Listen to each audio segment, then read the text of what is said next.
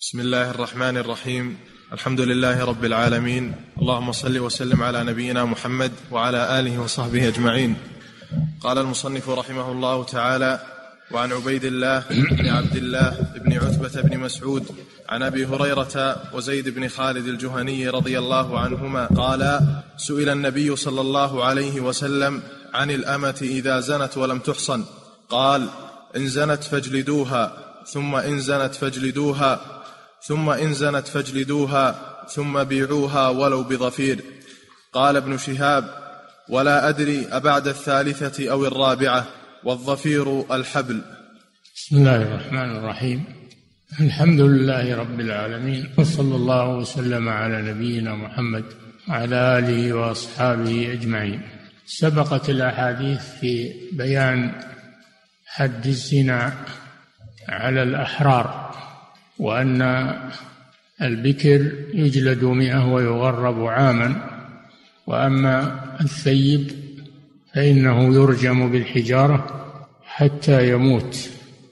وهذا الحديث في بيان حد المماليك المملوكين من الرجال والنساء العبيد.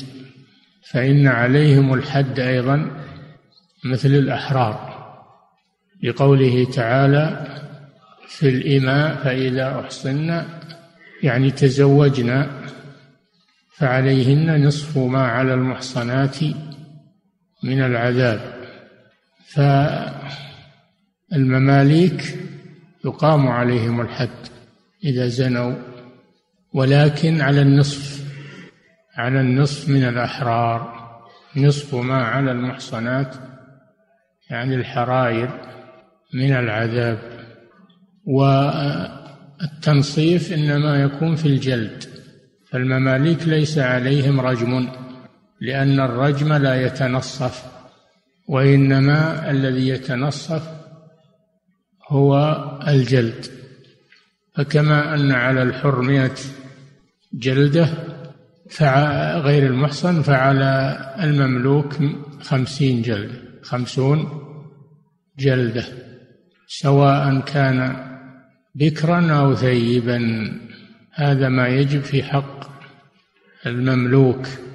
وأما التغريب فلا يغرب لأن تغريبه يضر بسيده سيده لا ذنب له فيقام عليه الحد. فوجوب الحد على المماليك ثابت بالكتاب وبالسنة.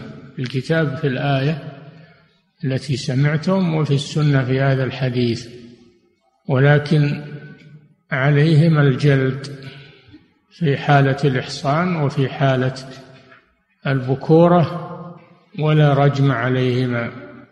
ودل الحديث على أن الذي يقيم الحد في الجلد هو السيد وفي سائر الحدود الحدود التي على الأحرار لا يقيمها إلا ولي الأمر.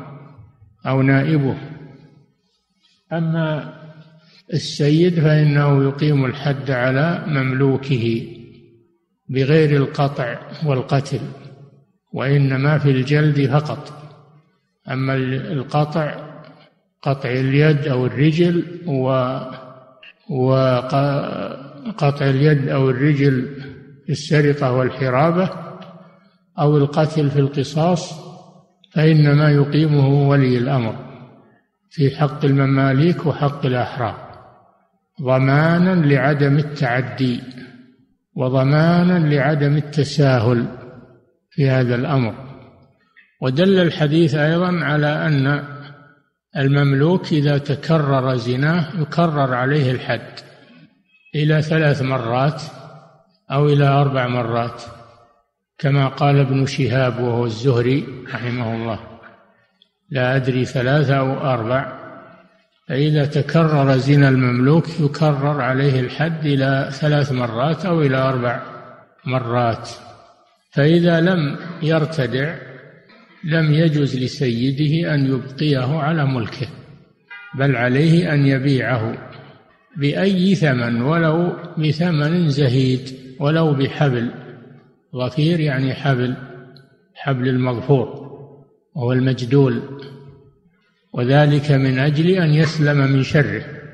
هذا من ناحية. ومن ناحية أخرى لعله إذا انتقل إلى مالك آخر يتغير حاله عند المالك الآخر يتوب إلى الله عز وجل أو يكون المالك الآخر أقوى من الأول. فلا شك أن هذا فيه حكمة. تغيير المالك فيه حكمة. هذا ما أو شيء مما يدل عليه هذا الحديث. نعم.